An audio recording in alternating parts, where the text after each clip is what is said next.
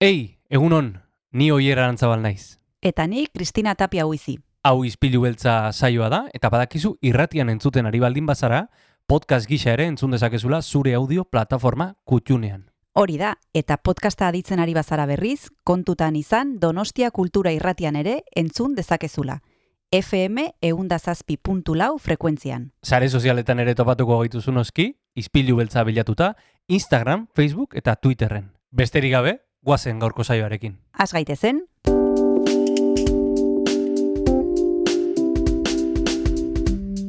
Ispilu beltza. Donostiako kulturaren berri, Oyer Arantzabal eta Kristina Tapia buizirekin. Egun honen zule irailak amalau ditu asteazkena da eta astearen erdian gaude hemen Donostia Kultura Irratian ispilu beltzea. Kulturaren inguruan hitz egiteko prest, Kristina, egun hon? egun hon oier, nik uste zure hautsa obera egitea baino okerrera doala, ez? Ez dakit, sentsazioa daukat. Ez, ez du laguantatzen nabil, eh? Ez du eh, laguantatzen. ez, ez du nahi jakin non ibiltzen zaren gauetan. E, hobeto ez jakin, hobeto ez jakin, hori sekretu bada, eta ta nahiago ez esan hemen uinetan. E, e, tira, gauetan mugitzen naiz, baina, baina hemen ere e, ispilu beltzean jende oso mugitua izaten dugu, agian ni baino mugituagoa. Bai, gainera hemen iragartzen ditugun gauzak normalean arratsalde partean ilunabarrean izaten dira, Bai, beraz. bai, bai, bai. Jende formala daukagu e, te- hor beste aldean, eh? Hori da, ez oso berandu, zazpiretan esango dugu. Eh? Hori da, zazpiretan adibidez gazteztenan ikusiko dugu iraiaren hogeita ostean hiru kortxe, azukre asko eta brandi gehiegi eta guk aktoretako bat Iraia Elias gonbidatu dugu eta gaur izango dugu ispilu beltzan eta gainera oier e, igartza sariaren irabazlea iragarri dute e, bere izena Lizar Begoña sopelako gaztea da itzalkinak eguzkitan idatzi du eta berarekin ere hitz egiteko aukera izango dugu gaur. luxuzko bi gonbidatu ohiko legez hemen ispilu beltzean eta horrez gainera, ba bueno, hemen e, zinemaliari itzaletan gauden honetan Jon Gartziaren musika ederra. Hori da, berak badekizue musika ederra jartzen duela egunero egunero, eta gaur ere horrela egingo du. Nahi baduzu, Jon, emaiozu hasiera gaurko saioari. Guazen.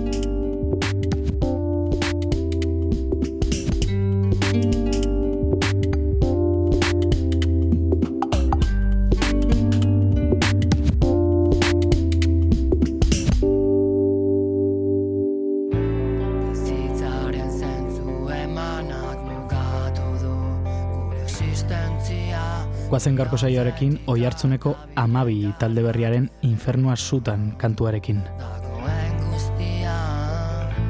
Bizitzaren zentzu emanak mugatu gure existentzia Bihotzetik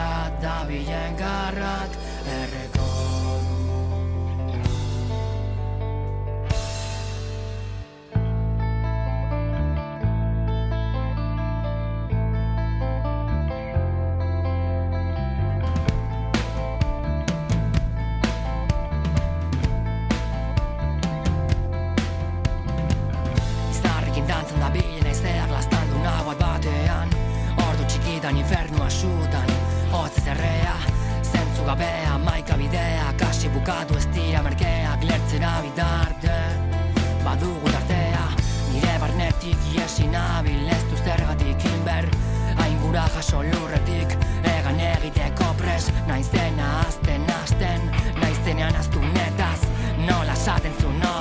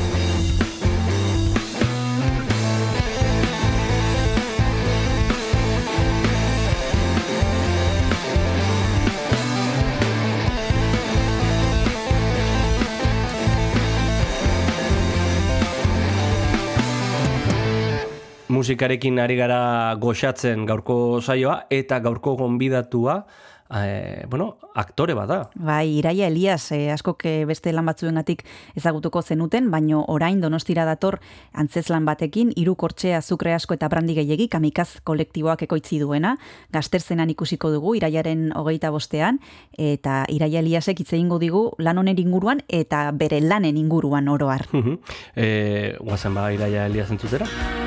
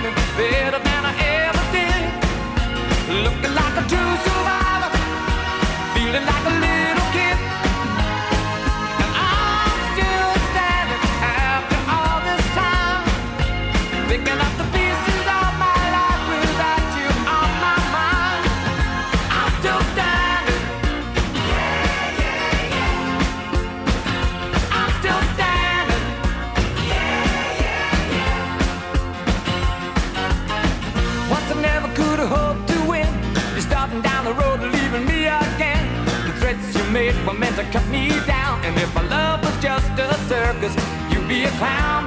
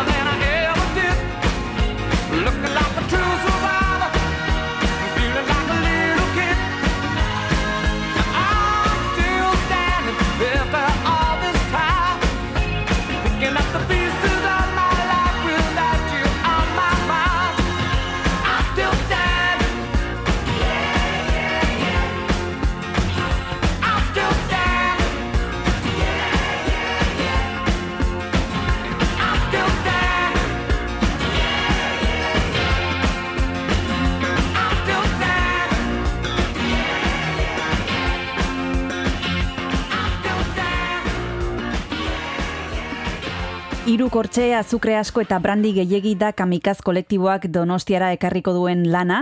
Iraieren hogeita bostean, arratsaleko zazpietan izango da, ikusteko aukera izango dugu gazterzenan, eta guk donostia kultura irratira Iraia Elias aktorea gonbidatu dugu. Egun hon Iraia, zer modu zaude? Egun hon oso ondo. bueno, Iraia, lehenbiziko gauza gustatuko litzaiguke jakitea zer den e, irukortxe, azukre asko eta brandi gehiegi. Zer kontatu behar diguzue bertan? Ba, bueno, dantzez lan bat e, sortu zana e, serie bat e, ikusita gero. Uh -huh. e, bueno, zagitu dituko zuen Bridgerton serie famosoan Netflixekoa. Eta, bueno, ba, kriston fama hartu zuen serie horrek, ikusi genuen, eta hortik abiatuta, ba, pixkat gure hausnarketak e, abiatuztako, bueno, pues, e, lan bat da, ez? Pixkat e, maitasuna romantikoa inguruan, eta, eta, bueno, hori ba, zalantzan jartzen, eta ikusten nola ere egite egun guri gero horrek egunerokoan.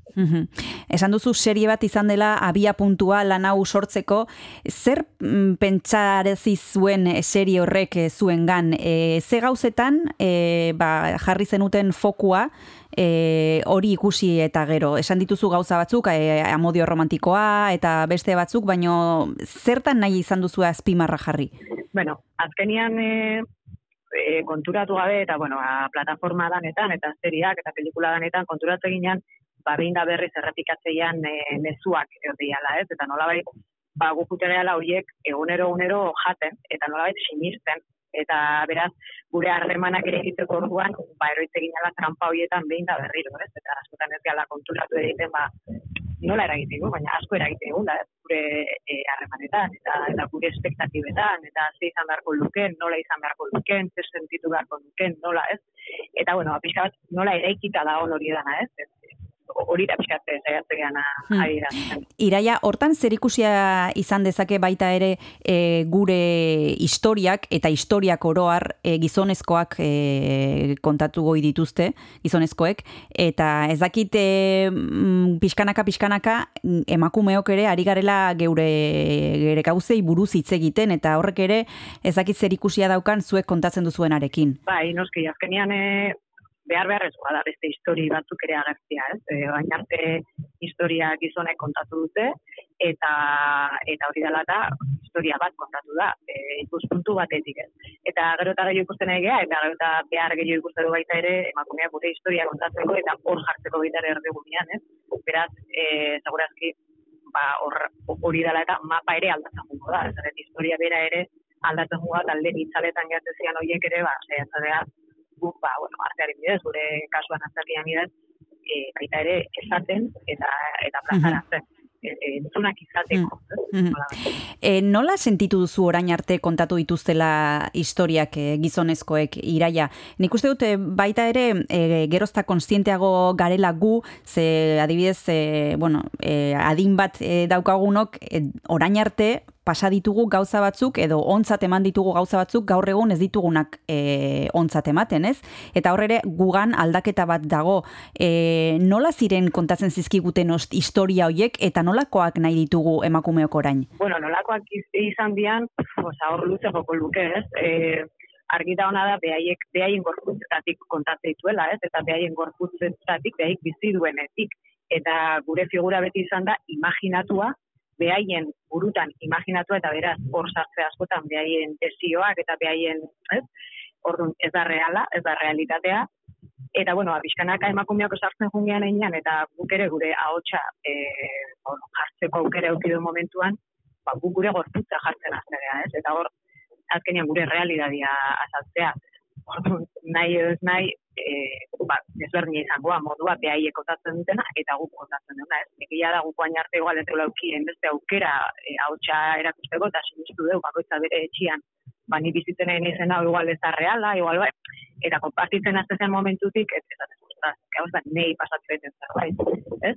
Ez da nire pertsonala, baizik eta da zerbait kolektiboa, ez? Eta hor ja, bueno, ahotsori nolabait kolektiboki mai gainean jartzen momentuan, bai, ez, bueno, beste indar bat hartzen eta beste egi bat, ez? Osea, hau ere egia da eta eta bueno, ez hmm. dakit pizkat hortikan, ez? Hori da gure desioa gero eh realit, errealitateak mila dia, ez? Bai. Bai. Bueno, zorionez, errealitateak e, anitzak dira. Guk tarte bat hartu behar dugu hemen izpilu beltzan donostia kultura irratian, eta horretarako abesti bat jarri behar dugu, oraintxe bertan itzuliko gara Iraia Eliasekin hitz egiteko.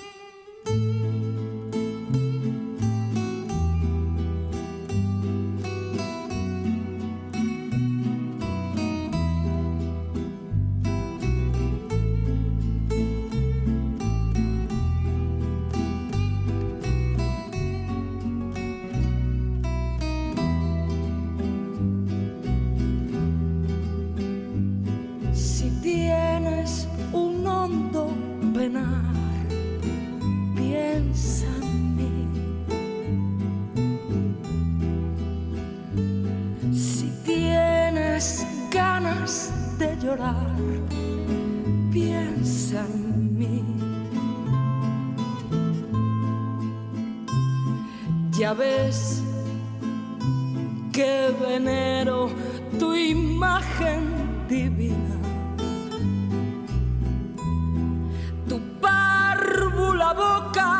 Que siendo tan niña me enseñó a pecar. Piensa en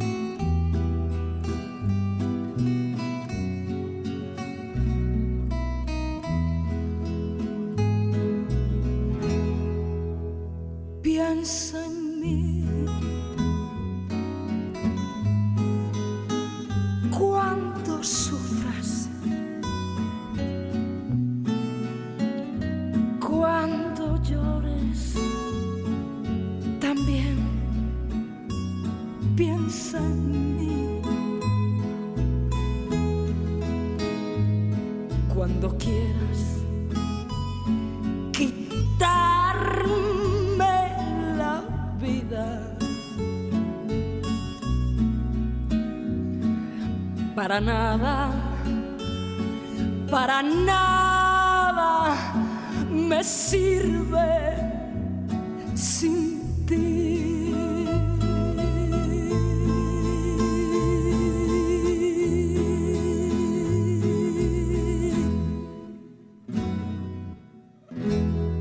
Izpilu beltzan zaude entzule Donostia Kultura irratian eta gaur hiru kortxe, azukre asko eta brandi gehiegi antzeslanaren inguruan hitz egiten ari gara. Iraia Elias daukagu telefonoaren beste aldean. Antzeslana Donostian ikusteko aukera izango dugu gazterzenan, iraiaren hogeita bostean, arrasaldeko zazpietan.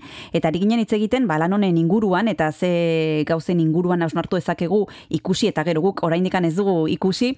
Baina guazen hitz egitera zure pertsonaiaren inguruan iraia nolakoa da, zer tokatu zaizu e, gorpuztea? Bueno, eh, arraro da, pixkate igual, ez, eh, antzerki batian pentsatu duenean, pentsatu dira pertsonaia jakin bat, Bai, bai. eta bat, bueno, gure kasuan guk sortzeko, gure sortzeko moduagatik, ez da hola, ez da, ez da nik darakatela pertsonaia bat. Ah, bueno, kontatu, kontatu orduan. bat, guk e, gure sortzeko moduagatik bintzat, guk improvisatuak sortze ditugu testuak, eta esango dugu, bueno, ba, ez dala dramaturgia klasiko baten oinarrituta, alegia edakana e, bueno, hasiera bat, korapiloa, eta gero desenlazia, baizik eta, bueno, esango dugu dramaturgia puskatuago badala, eta, bueno, ba, jolaste dugu e, fikzioaren mundua eta errealitateren munduakin. Mhm. Fikzioan egon liazke, ba, emakumen fikzioa, emakumeak fikzioan, fikzioan, e, gero gizonezkoak ere fikzioan ikusiko ditugu, eta gero egongo ditzake fikzio horrek guri, erikai, amankai eta iraiai guri, nola eragiten du.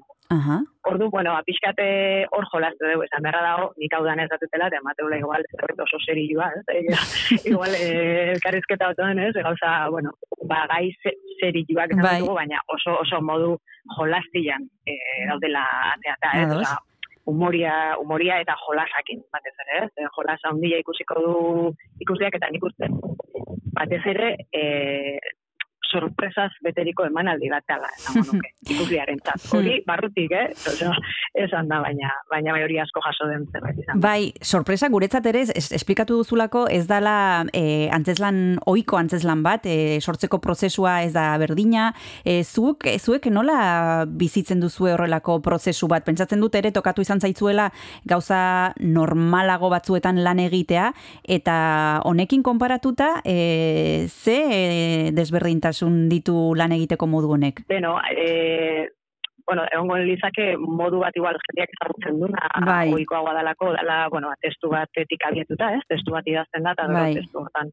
hortik abiatuta, ba, ja, e, taularatu egiten da testu hori, eta lehen esan bezala, ba, igual, ba, dramaturgia klasikoago batetik abiatuta, ez? Ba, hasiera badauka, korapile badauka, ba, ba horre on daitezke barietatea, barie, bari, barietatea baita ere, Bai. baina gure kasuan beti azterga brainstorming batekin, idea zaparrada batekin, irudiak, irudiekin jolasten, probatzen, improvisatzen, eta gero hortikan, jungo ginake guk ja testua ere egitzen behin improvisatutako hortatik interesatzen hartu, eta eta hortik eraikiko genuke testua, gero ja, ba, bueno, lot, lot, lotzen juteko, e, puzlia osatzeko, eta, eta, bueno, guretzako placer bada, ze azkenian oso irekita gaude eta oso batituko modu bat oso irekia eta oso askia guretzako, jolasteko aukera asko ematen diguna. Orduan, bueno, guretzako hori beti da placer bat. Hmm.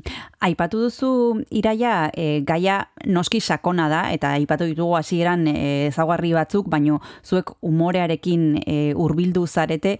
Umorea e, sartzea lanean ere ematen dizue agian aukera beste modu mm, batekin e, jendearegana e, hurbiltzeko edo gaia beste modu goxo bateagoan e, ba, aurkezteko. Bai, hori da, humoria azkenian esango genuke dela, ba, gauza sakonak olillo bidez, errexo, e, tragatu arazteko, ez, jendeai e, hobeto, ez, sartu arazteko. Mm. Baina, bueno, guk humoria sartze dugu, azkenean guri hola ateatzen zeugulako, eh? Osea, guretzako guaztera improvisatzen, azera jolasian eta humoria ateite zegu. Beti ere, gure humoria, ez? Esan behar dago, horrekin ere komplejo asko izan ditugula emakumeok, ez? Eh, Emateu, bueno, ba, humori egiten, emakumeak eta bar, baina, bueno, nik uste eh, honekin jendeak oso ondo pasatzeula, jasoren feedback abentzak oso nahi izaten, eta, eta, ba, nik uste eh, jendea divertituko ala, eta, eta parre batu eta goituna. Bigarren deskantsu bat hartu behar dugu eta oraintxe bertan jalaituko dugu Iraia Eliasekin hitz egiten Donostia Kultura Irratian.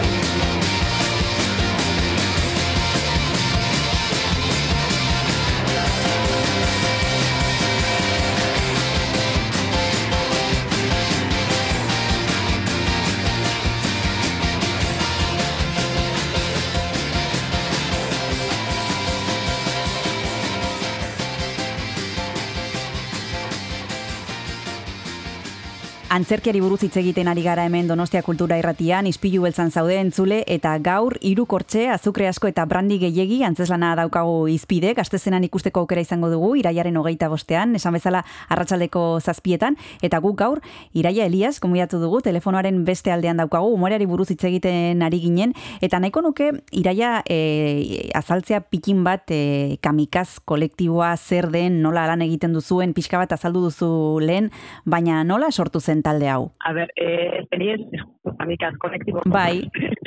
Galdera, niretzako baino hobeto litzake erika edo amanka edo birekatzeak eh, Bai, baina beraiekin lan egitean ere pentsatzen dut em, lan egiteko esan bezala beste modu batzuk ere ikusi dituzula eta kolektiboa pixka bat ezagutzen duzu barrutik, ezta? Bai, bai, bai, azkenean nire kolektiboan parte naizela esango dute, baina, Hmm. baina, bueno, oza, sorrera esan dut,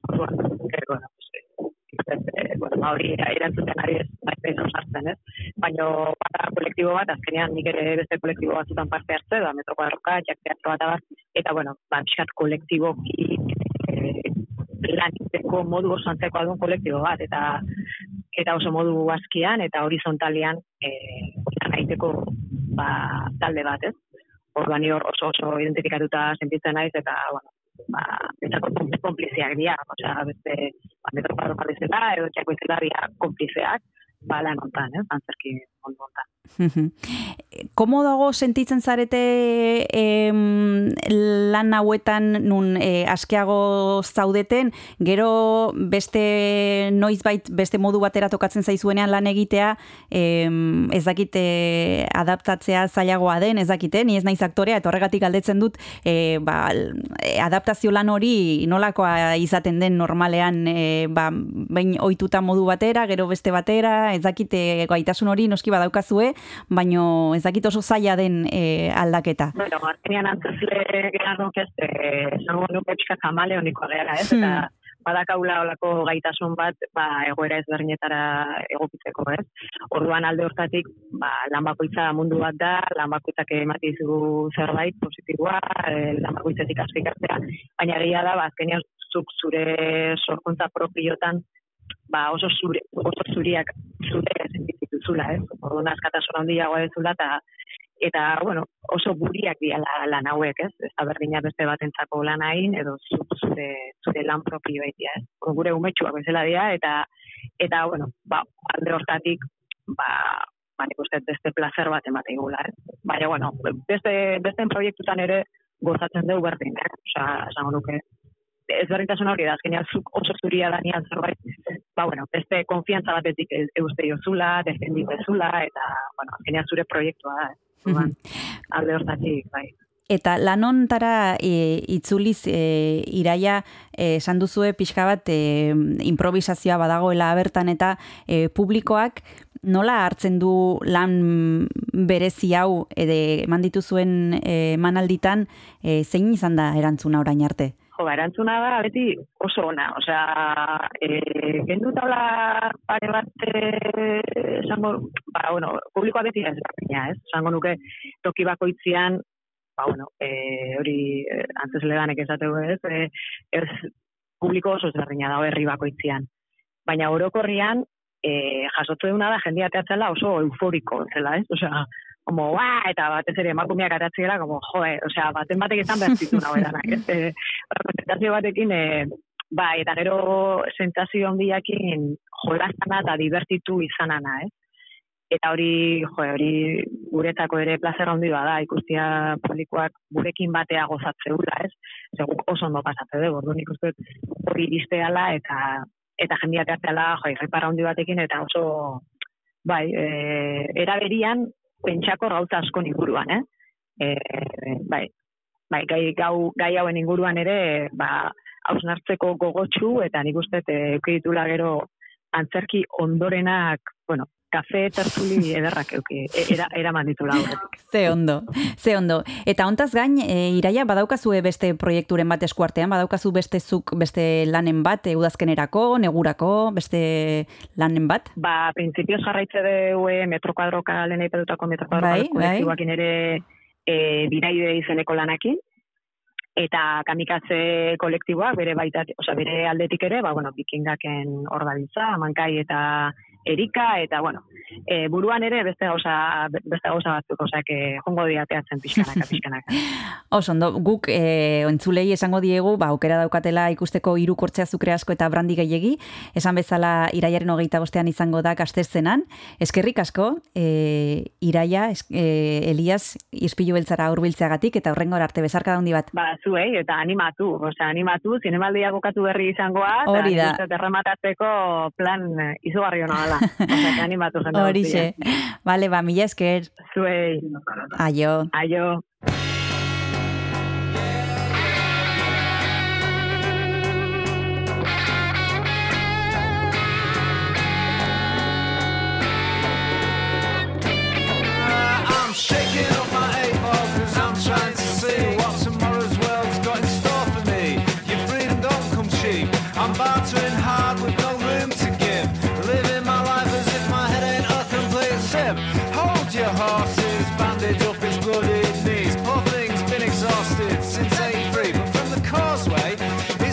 See the full extent of the damage. You couldn't see the woods for the trees. Fuck me, how am I supposed to cope in the age of the gentrified savage? There's no hope. Kids these days, they think they've been outdone by, but they've never even looked at an iron lung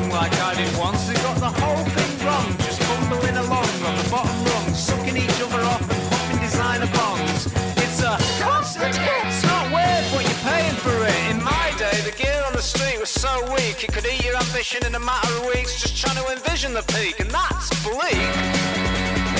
And that's big.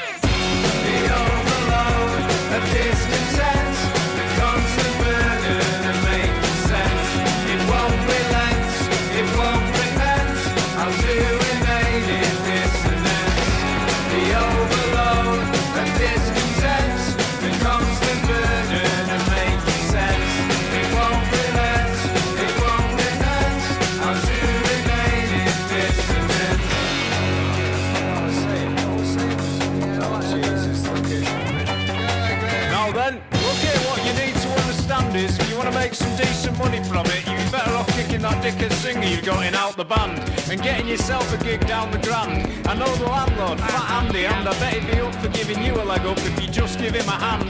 Just don't be doing originals, play the standards and don't get political. I know what that dickhead singer's like. He'll end up in the back of an ambulance with the mic stand rammed up his ass twice over, all because he couldn't ignore the flag and be polite.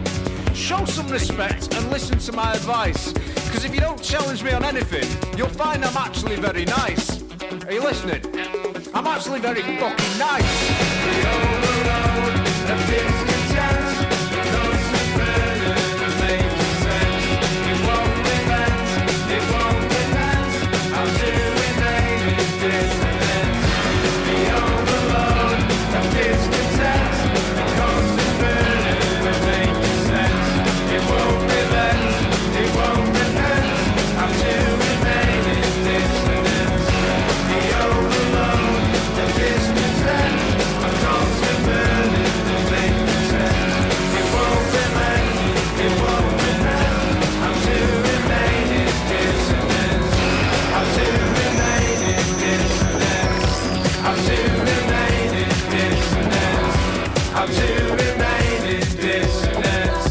How to remain in dissonance? Lizar Begoña Sopelarra da urtengo igartzasariaren irabazlea, itzalkinak eguzkitan da aurkeztu zuen proiektua, eta Oiane Amantegi, Kirati Jimenezek eta Garazi Kamiok bere testua aukeratu dute beste amaikaren artean. E, sariak elkarrek e, kafek eta behasaingo udalak ematen dutena, 6.000 euroko laguntza eta lana argitaratzeko konpromisua suposatzen du, eta gaur Donostia Kultura irratira Lizar Begoña ekarri dugu, egunon zer modu zaude, zorionak lehenbiziko gauza. Bueno, eskerrik asko, egunon. bueno, aurtengo igartza sariaren irabazlea zara, esan dugun bezala, zer moduz Bai. zau- zaude? Nola hartu zenuen deia? Jo, ba, nahiko sorpresaz, gainera apruet lehenago deitzu jostien, ba, hilabete bat lela, espero nuena baino lela, eta ba, ez dakit, jo, e, ez nuen oso, ez nuen sinesten, ez? Baina, bueno, apurka-apurka joan naz, e, ba, ikusten, ze, ba, hori, digeritzen aprobat notizia, eta oso pozik. Eta eskertuta aukeragatik. Bai, eta itzalkinak eguzkitan esan dugun bezala da aurkezu zenuen Bai. testua. Zeri buruz Bai. mm, doa e, liburu hau Mhm. gehiegi kontatu gabe ere? Bai. Bueno, ba, nik eh, proposatu nuen proiektua, e, da, ba, e, ardatz nagusia da, benidorren kokatutako kiosko bat. Aha. Eta, eta ideia da, ba, apur bat e, bertan egiten duten, lan egiten duten bi emakumeren e, kontakizunekin e, e, egitea testua, ez? E, izango dira, irurogei urteko emakume bat, gutxi gora bera, eta nire adineko beste bat, hogeita, hogei, hogeita piku urte ingurukoa. Orduan, e, ba, ideia izan da apur bat, kontatzea eurek nola bizi duten, ba, euren lanaldi, lanaldian, hau da, kiesko izango da, e, orain, al- orain al- aldi erreala, ez? Eta hortik nola bizi duten apur bat, e, haien egoera, ba, ez dakit, e, lana, lan e, arloan, sexualitatean, e, prekarietatea ere, bai, bai, hainbat gai jorratuko ditu. Eta, bueno, e, apur bat e, kioskoa ere izango litzateke aitzaki bat, edo apur bat e, azpiti joango litzateken e, ideia edo kontzeptua da, ba, hori, e, paperaren salmenta, liburuena eta bar, eta ba, hori digitalizazioaren e, elementu horren e, sartzea, ez? Gure gizartean nola ari den sartzen, ba, simbolo bat bezala.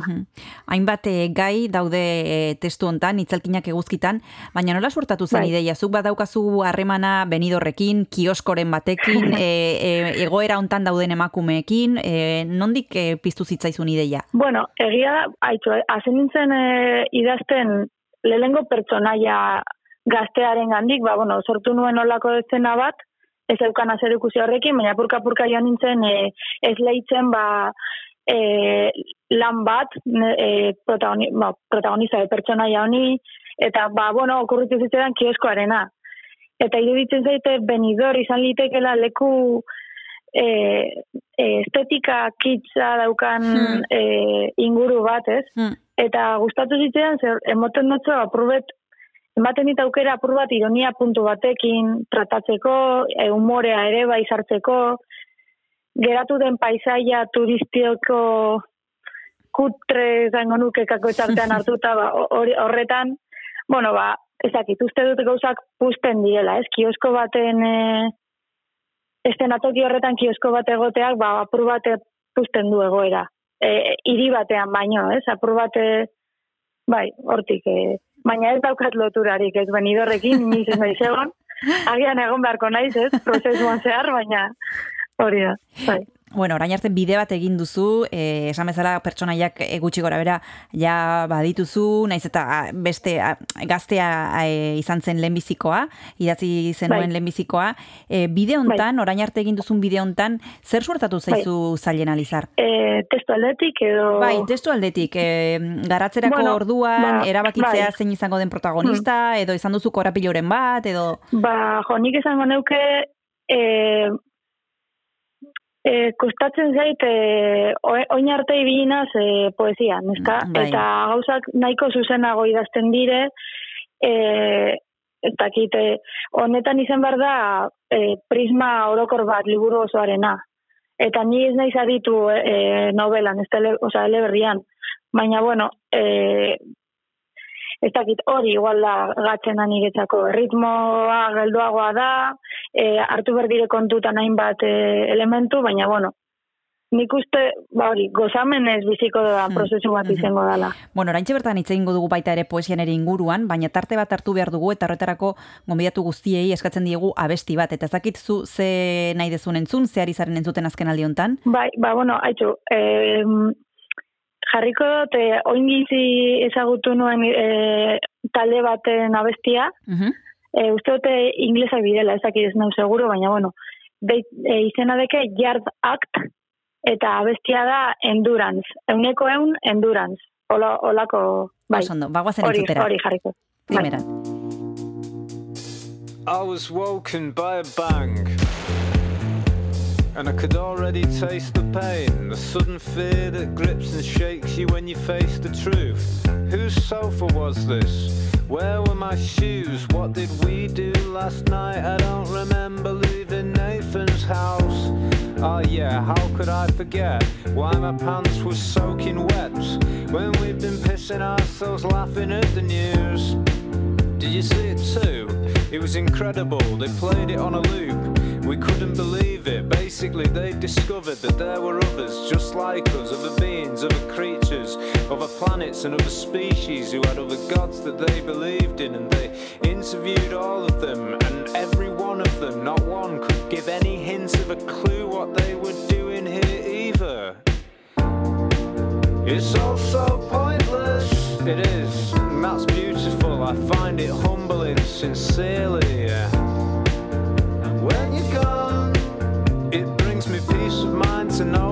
this'll all just carry on with someone else. With something new. No need to be blue. Everything's already happened. Time's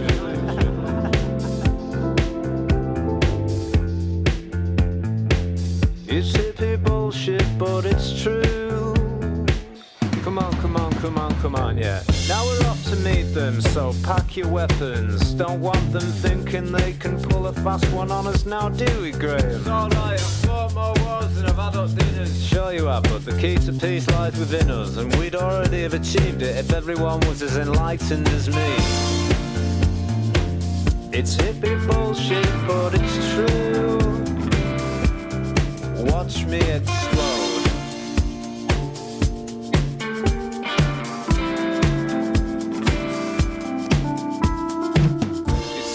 Pointless, ah, but it's not though, is it?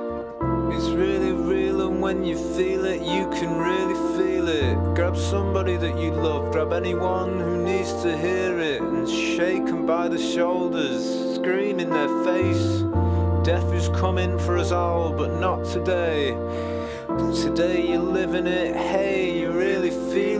Give it everything you've got, knowing that you can't take it with you, and all you ever needed to exist has always been within you. Give it some of that good stuff, that human spirit. Cut it with a hundred percent endurance.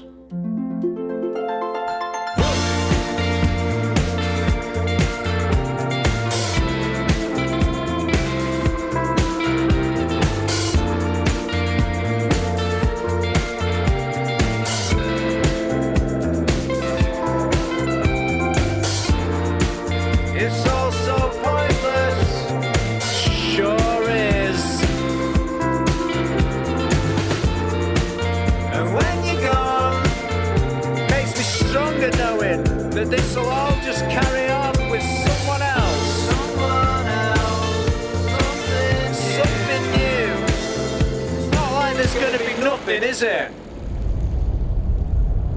It's hippie bullshit, but it's true. Watch me explode. Ah.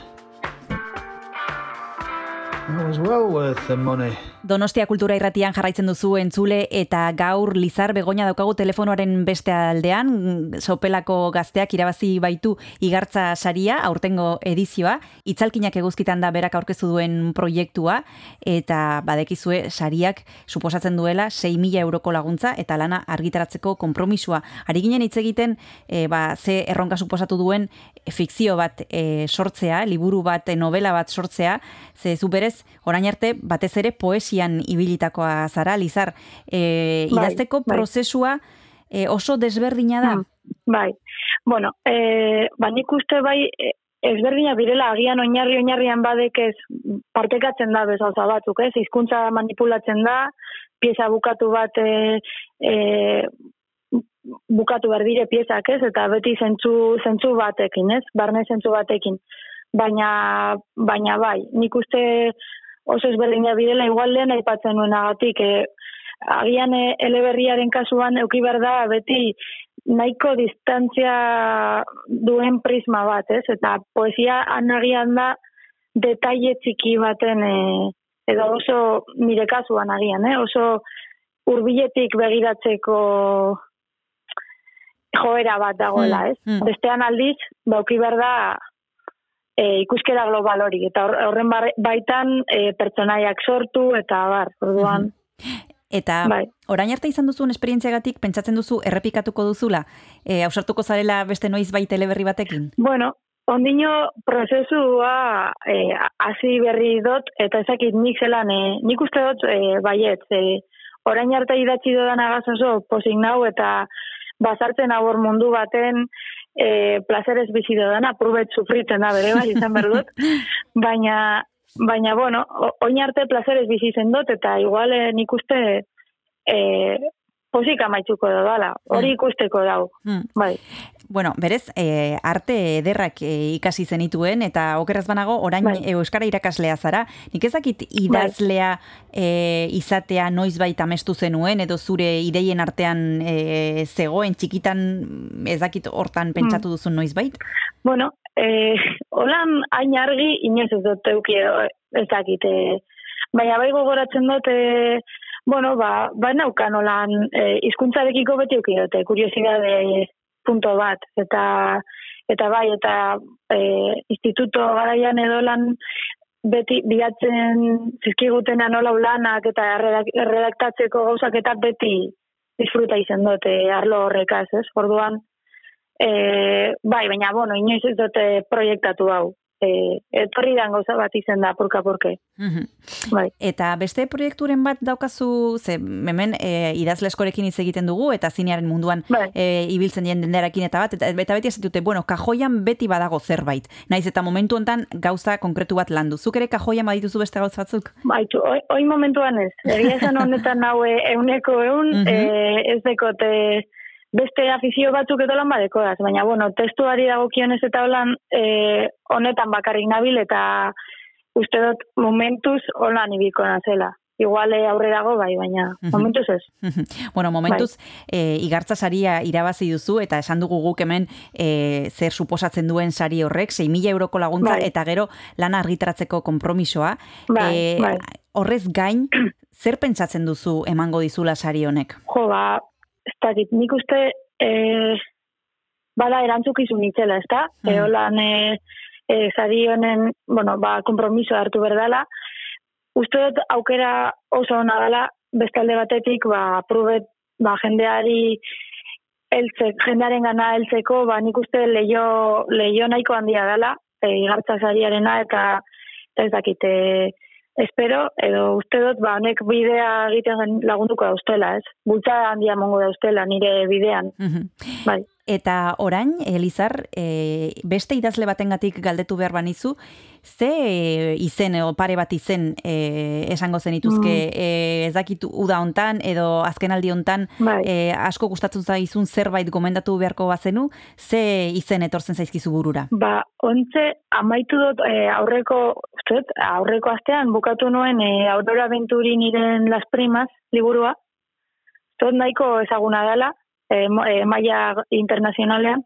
E, baina, bueno, jo, niri benetan e, nau oso, ez dakit, harrituta edo oso zapore honagaz. Mhm. eta dauka oso estilo berezia, gordina bere bai, e, eta dau, ez dakit, drama eta komedia ere bai ustartzen ditu oso modu berezian, orduan. Nik hori gomendatuko neuke. Ba, hori apuntatuko dugu eta baita apuntatuko dugu itzalkinak eguzkitan, ze argia ikusiko du. Eskerrik asko, Mhm. Lizar Begoña, izfilo beltzara Bai, eta izango dugu Bai. zure berri, mila esker eta bezarka daundi bat. Bale, ba, mi esker zu hori. Agur. Agur, bai.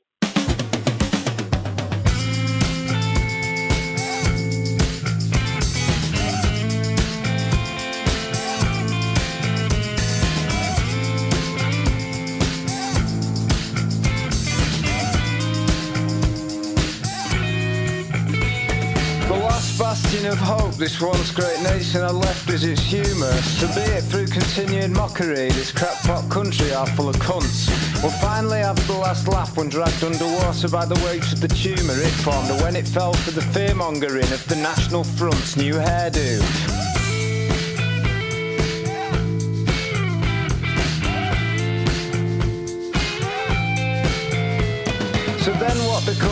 Inhabitants of this once unstoppable isle when all of its exports are no longer in style? Are you seriously still trying to kid me that all culture will be just fine when all we've left is knobheads Morris dancing to Sham 69? Go on the ragman or roll around the maypole, hijack the sound and state your claim to it. Every card played is a statement made and there's always a new scapegoat to blame for it. England, my heart bleeds. Why'd you abandon me? Yes, I abandoned you too, but we both know I wasn't the one lied to and I'm not scared of people who don't look like me, unlike you.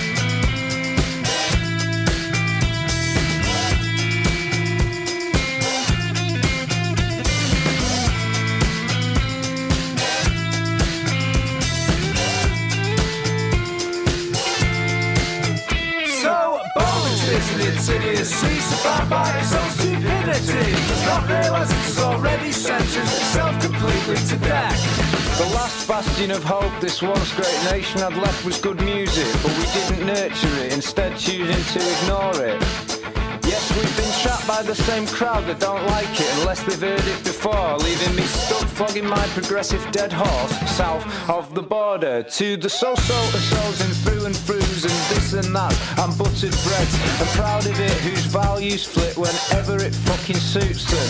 And we're supposed to let it slide because the press has normalised the idea racism is something we should humour. Yeah, the last bastion of hope this one straight nation had left is to converse in a manner that will pacify, divide and unite the room. But no one's talking, rational thought has been forced into submission by the medium through which all of our information is now consumed. Yes, fake news. It's fake news, mate. Is in its idiocy, surrounded by its own stupidity. It does not realise it has already sentenced itself completely to death. So is in its idiocy, surrounded by its own stupidity. It does not realise it has already sentenced itself completely to death. Is in its idiocy, surrounded by its own stupidity. It does not realise it has already sentenced itself completely to death. So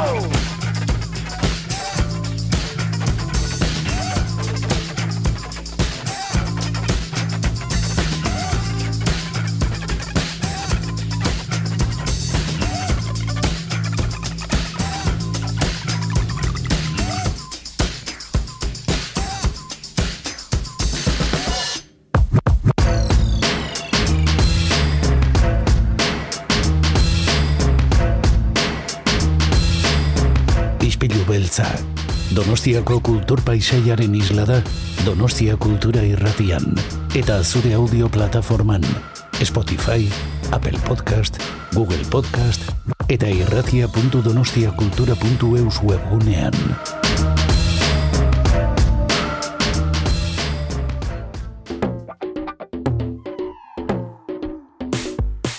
What constitutes a ghetto? Huh? Is it growing your own lettuces in the potholes on the road? Do the locals have to eat them all if they don't sell them? I call potholes concrete meadows of the soul. What constitutes a ghetto fetish? Huh? Is it growing your own lettuces but not filling in the potholes? The local council will be getting an earful, believe me, I call their loopholes concrete bollards to the soul. We all make the same sound when we get mowed down. And there are starving children in Africa, so go send your toy guns to Bosnia. Take the money, take the money, take the money and run. Take the money, take the money, take the money and run. Take the money, take the money, take the money and run. Take the money, take the money, take the money and treat your husband right. What constitutes real change? Huh? Are we even vaguely aware of where we'll terminate the muse? If all offers are final, then how is it even possible for you to be both flush and completely principled? Ah, yeah, well, I didn't do any of it for you. I did it for the little boys and girls. Lettuce from the potholes, hosing off the engine oils, wax, apples at Christmas. Next year they're sniffing glue. All of a sudden, I was blinded by a powerful light. Take the money, take the money, take the money and run. Take the money, take the money, take the money and run.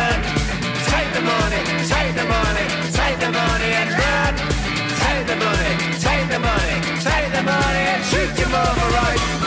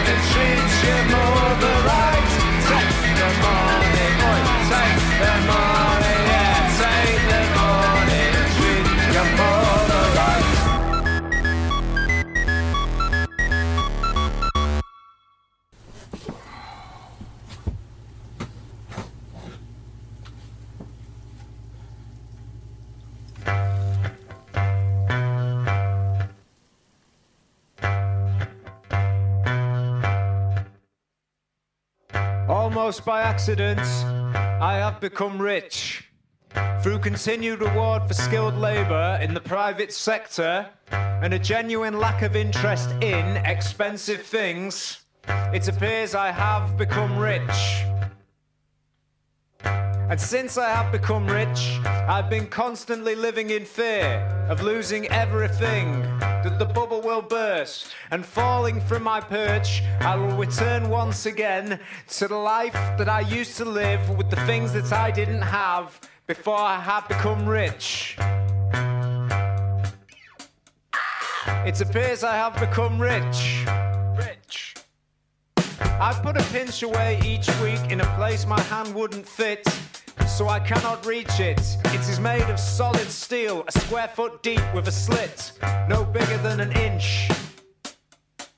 One day, when the seam splits in such a way that it cannot be restitched, I will scratch that insatiable itch and buy the whole hospital and everything in it because I am rich. It appears I have like some headless bird whilst the witch doctors poach for the stragglers in the herd, pitching for business down on Skid Row. The line goes out the door and you're right at the back. Man, two more poor dead kids in a ditch. I fucking love being rich. It appears I have become so rich. So rich.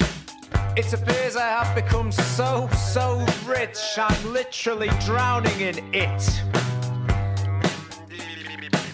But no matter how little I've got, I'll never lose the plot. On top of the hill, looking out over the valley, you can see for miles and still get shot. The farmer doesn't want his cows getting what the other cows have got. He keeps his livestock stock stuffed in his sock. That's why he's rich. It appears we've both become rich. It appears we're both, both very, very. It appears we both got gout. It appears we have no shame. It appears I have become rich. It appears I have become rich. Lord forgive me, have mercy on my soul, never. No one ever tells you how tough it really is. Please teach me how to be modest and how to be rich. I've done some terrible things because I'm rich. Looking for opportunities in ventures that are bound to bring the silver rain. Sure, it's a rush being cush, but then again, life is a bitch. I've become so rich, and people hate you for it.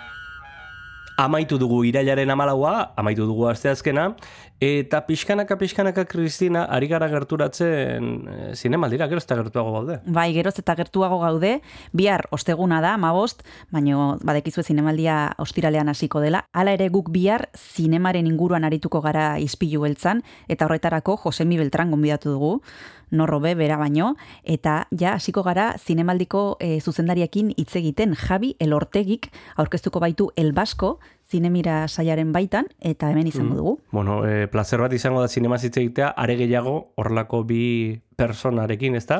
Hori guztia bihar e, zinemaldiaren bezperetan eta bitartean, ba, ono gogoratu nun entzun gaitzake zuen, Donostia Kultura Irratian, FM undazazpi.la frekuentzian, eta audio plataformetan, bertan topatuko duzu izpilu beltza, egunero egunero, astrenetik ostialera, Donostia eta inguruetako kulturaren inguruan hitz egiteko. Hori da, guk bihar itzuliko gara, izan egunon. Agur, agur.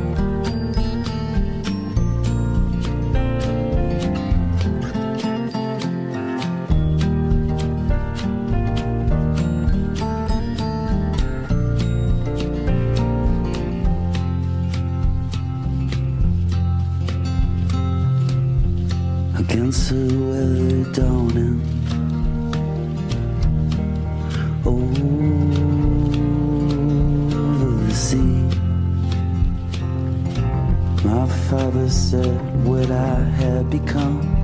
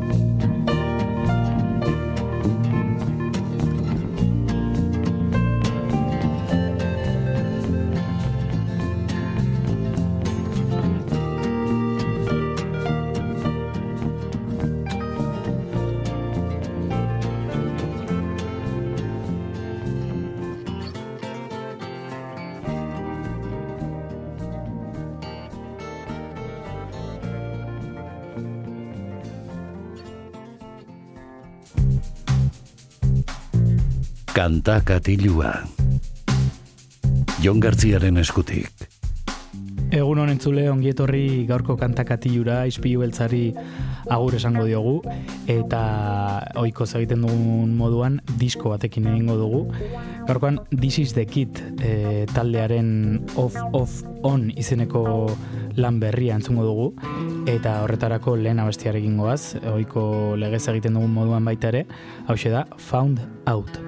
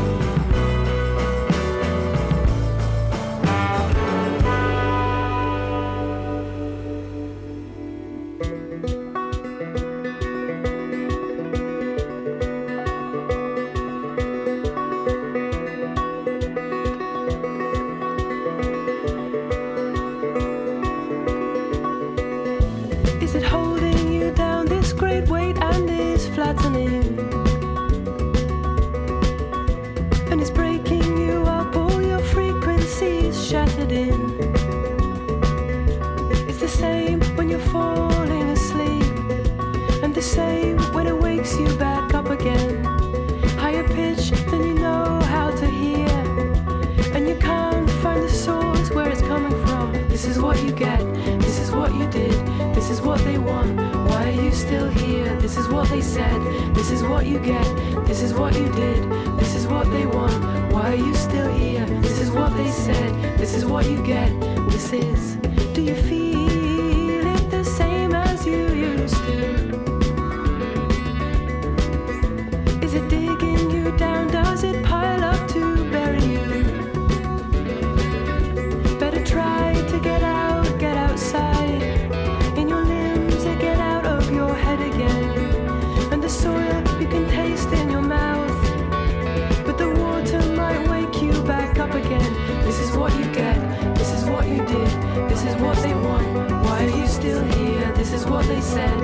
is what you get, this is what you did, this is what they want.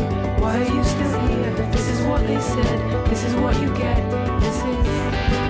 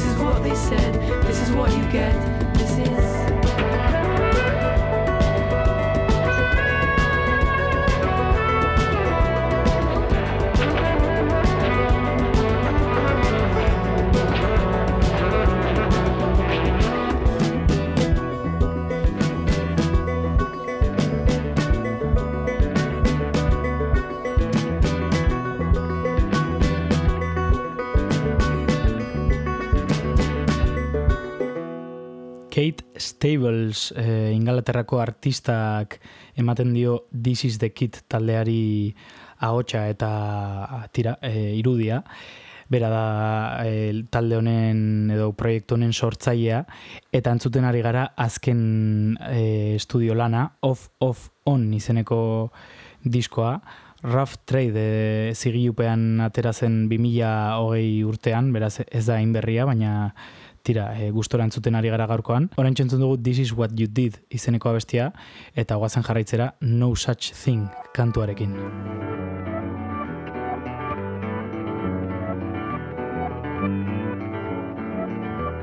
Shrink away from it, flinching away from reality. Don't be fooled by them, everyone knows that there's no such thing.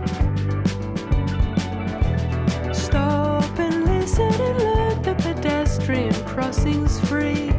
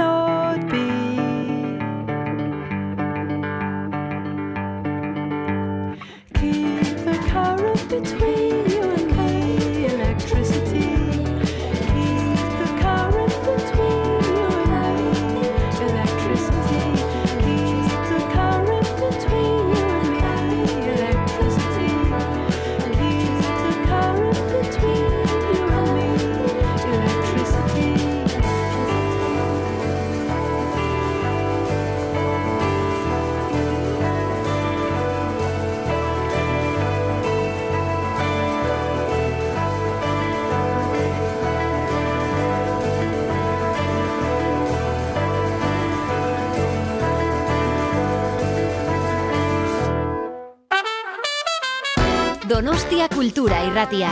Eun eta zazpi puntu lau.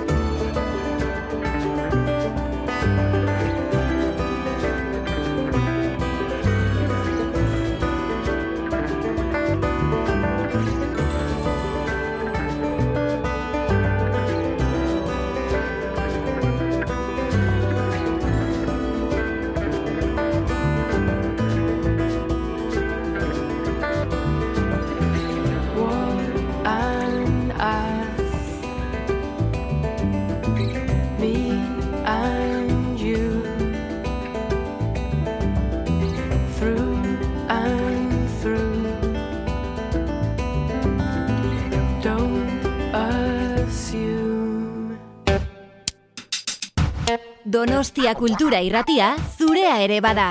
Zatoz eta parte hartu.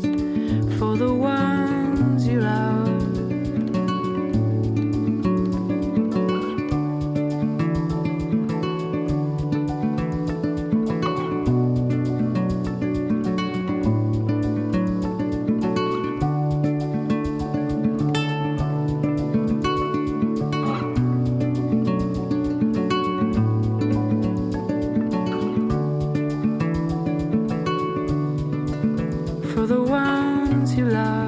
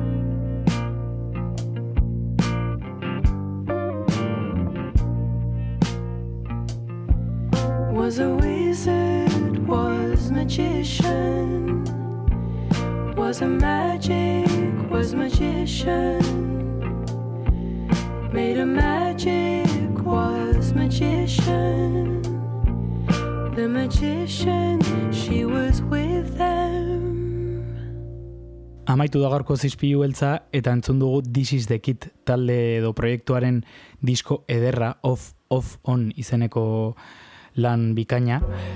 E, entzungo dugu azken abestia Keep Going izenekoa eta gaurkoz amaituko dugu ispilu beltza. Bihar gehiagorekin itzuliko gara, beraz bihar arte eta ondo izan.